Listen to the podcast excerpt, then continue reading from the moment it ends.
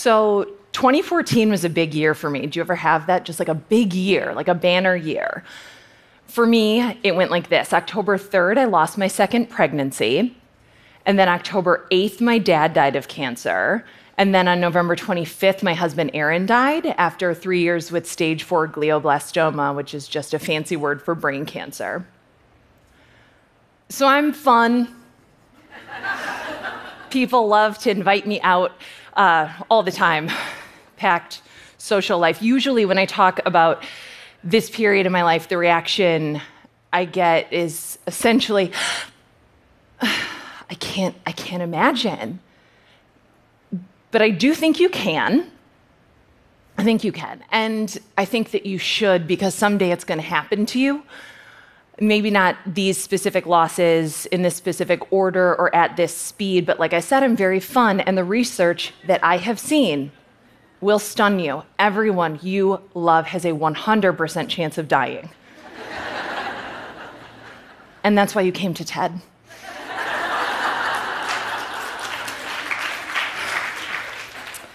so, since all of this loss happened, I've made it um, a career to talk about death and loss, not just my own, because it's pretty easy to recap, but um, the losses and tragedies that other people have experienced. It's a niche, I have to say. it's a small niche, and I wish I made more money. But um, I, I've written some very uplifting books host a very uplifting podcast. I started a little nonprofit. I'm just trying to do what I can to make more people comfortable with the uncomfortable. And grief is so uncomfortable. It's so uncomfortable, especially if it's someone else's grief. So, a part of that work is this group that I started with my friend Mo, who is also a widow. We call it the Hot Young Widows Club. And it's real. We have membership cards and t shirts. And when your person dies, your husband, wife, girlfriend, boyfriend, literally don't care if you were married, your friends and your family are just going to sort of look around through friends of friends of friends of friends until they find someone who's gone through something similar, and then they'll push you towards each other so you can talk amongst yourselves and not get your sad on other people. So that's what we do. It's just a series of small groups where men, women, gay, straight, married, partnered can talk about their dead person and say the things that the other people in their lives aren't ready or willing to hear yet. Huge range of conversations. Like, my husband died two weeks ago. I can't stop thinking about sex. Is that normal? Yeah. What if it's one of the property brothers? Less normal, but I'll accept it. Things like, look, when I'm out in public and I see old people holding hands, like couples who have clearly been together for decades, and then I look at them and I imagine like all of the things they've been through together the good things, the bad things, the arguments they've had over who should take out the trash. I just find my heart filled with rage. And that example is personal to me most of the conversations that we have in the group can and will just stay amongst ourselves, but there are things that we talk about that the rest of the world, the world that is grief adjacent but not yet grief stricken, could really benefit from hearing. And if you can't tell, I'm only interested in slash capable of unscientific studies. So what I did was go to the Hot Young Widows Club and say, "Hello, friends. Remember when your person died?" They did. Um, do you remember all the things people said to you? Oh yeah. Um, which ones did you hate the most? I got there were a lot of comments, a lot of answers. People say a lot of things, but two rose to the top pretty quickly. Moving on. Now, since 2014, I will tell you I have remarried a very handsome man named Matthew. We have four children in our blended family. We live in the suburbs of Minneapolis, Minnesota, USA. We have a rescue dog. I drive a minivan like the kind where doors open, I don't even touch them. Like, like by any measure, life is good. I've also never said measure. I've never once said it that way.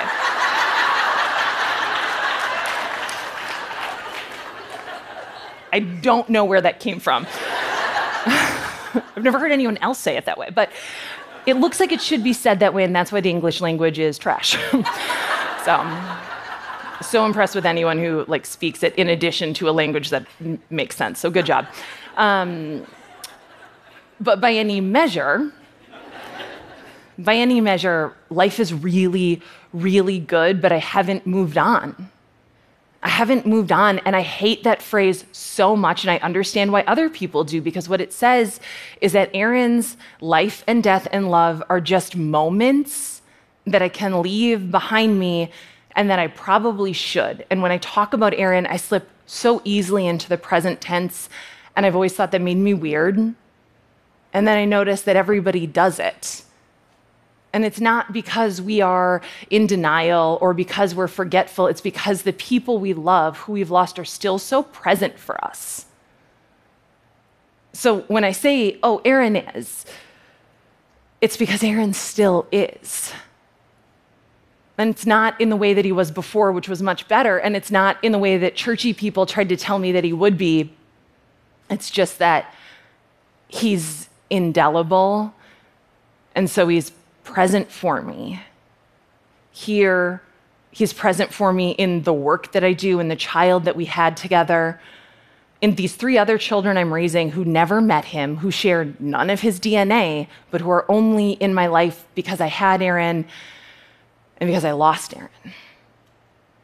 He's present in my marriage to Matthew because Aaron's life and love and death made me the person that Matthew wanted to marry. So I've not moved on from Aaron, I've moved forward with him.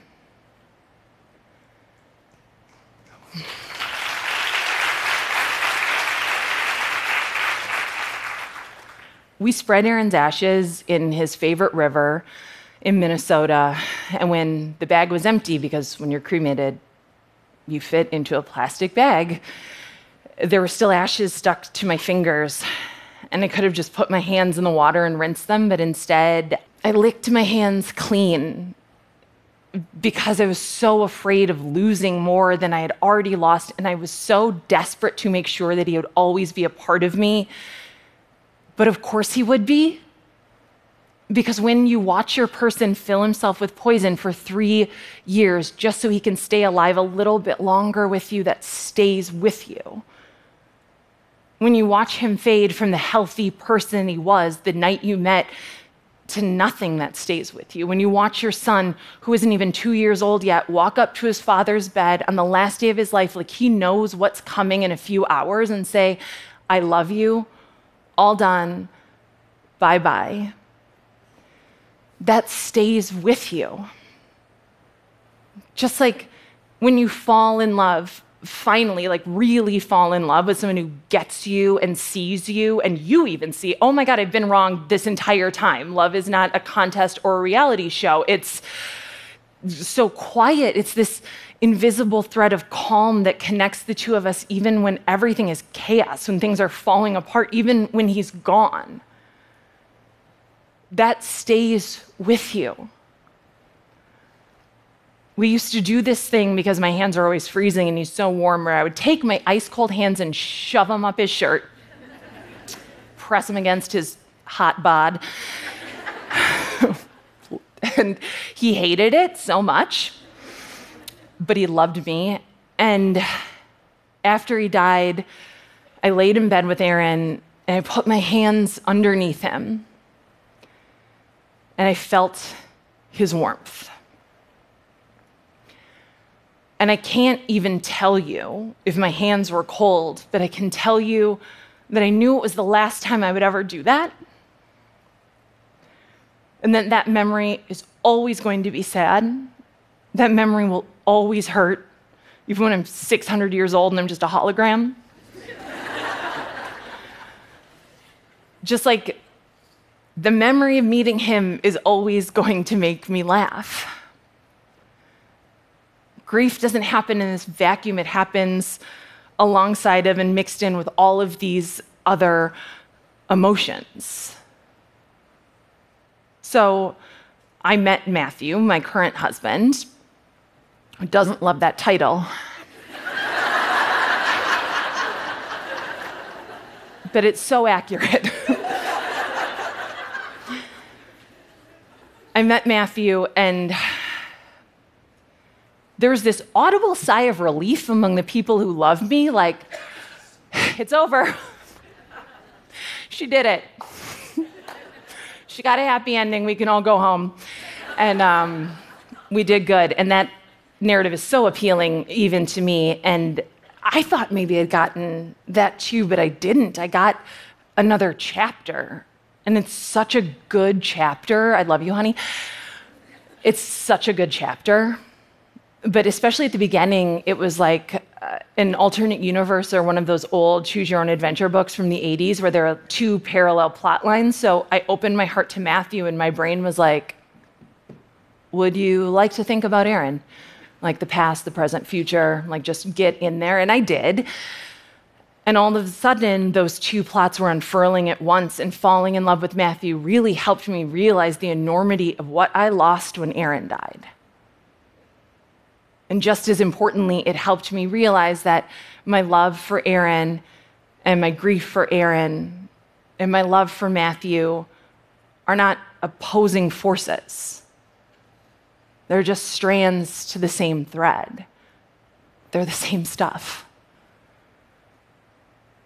I'm, um, what would my parents say? I'm not special. Uh, they had four kids. they were like, frankly.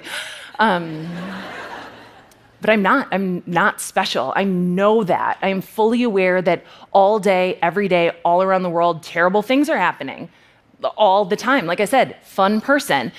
But like terrible things are happening. People are experiencing deeply formative and traumatic losses every day. And as part of my job, this weird podcast that I have, I sometimes talk to people about the worst thing that's ever happened to them. And sometimes that's the loss of someone they love, sometimes days ago or weeks ago, years ago, even decades ago. And these people that I interview, they haven't closed themselves around this loss and made it the center of their lives. They've lived, their worlds have kept spinning. But they're talking to me, a total stranger, about the person they love who has died because these are the experiences that mark us and make us just as much as the joyful ones and just as permanently. Long after you get your last sympathy card or your last hot dish. Like, we don't look at the people around us experiencing life's joys and wonders and tell them to move on, do we? We don't like send a card that's like, congratulations on your beautiful baby. And then five years later, think like, another birthday party? Get over it. like, yeah, we get it. He's five. wow. But grief is kind of one of those things like falling in love or having a baby or watching The Wire on HBO where you don't get it until you get it, until you do it.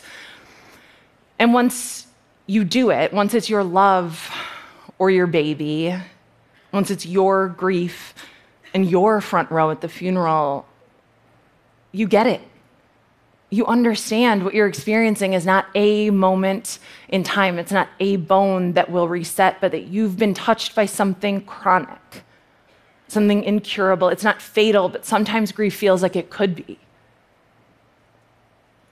And if we can't prevent it in one another, what can we do? What can we do other than try to remind one another that some things can't be fixed and not all wounds are meant to heal. We need each other to remember, to help each other remember that grief is this multitasking emotion, that you can and will be sad and happy, you'll be grieving and able to love in the same year or week, the same breath. We need to remember that a grieving person is going to laugh again and smile again. If they're lucky, they'll even find love again. That, yes, absolutely, they're going to move forward. But that doesn't mean that they've moved on. Thank you.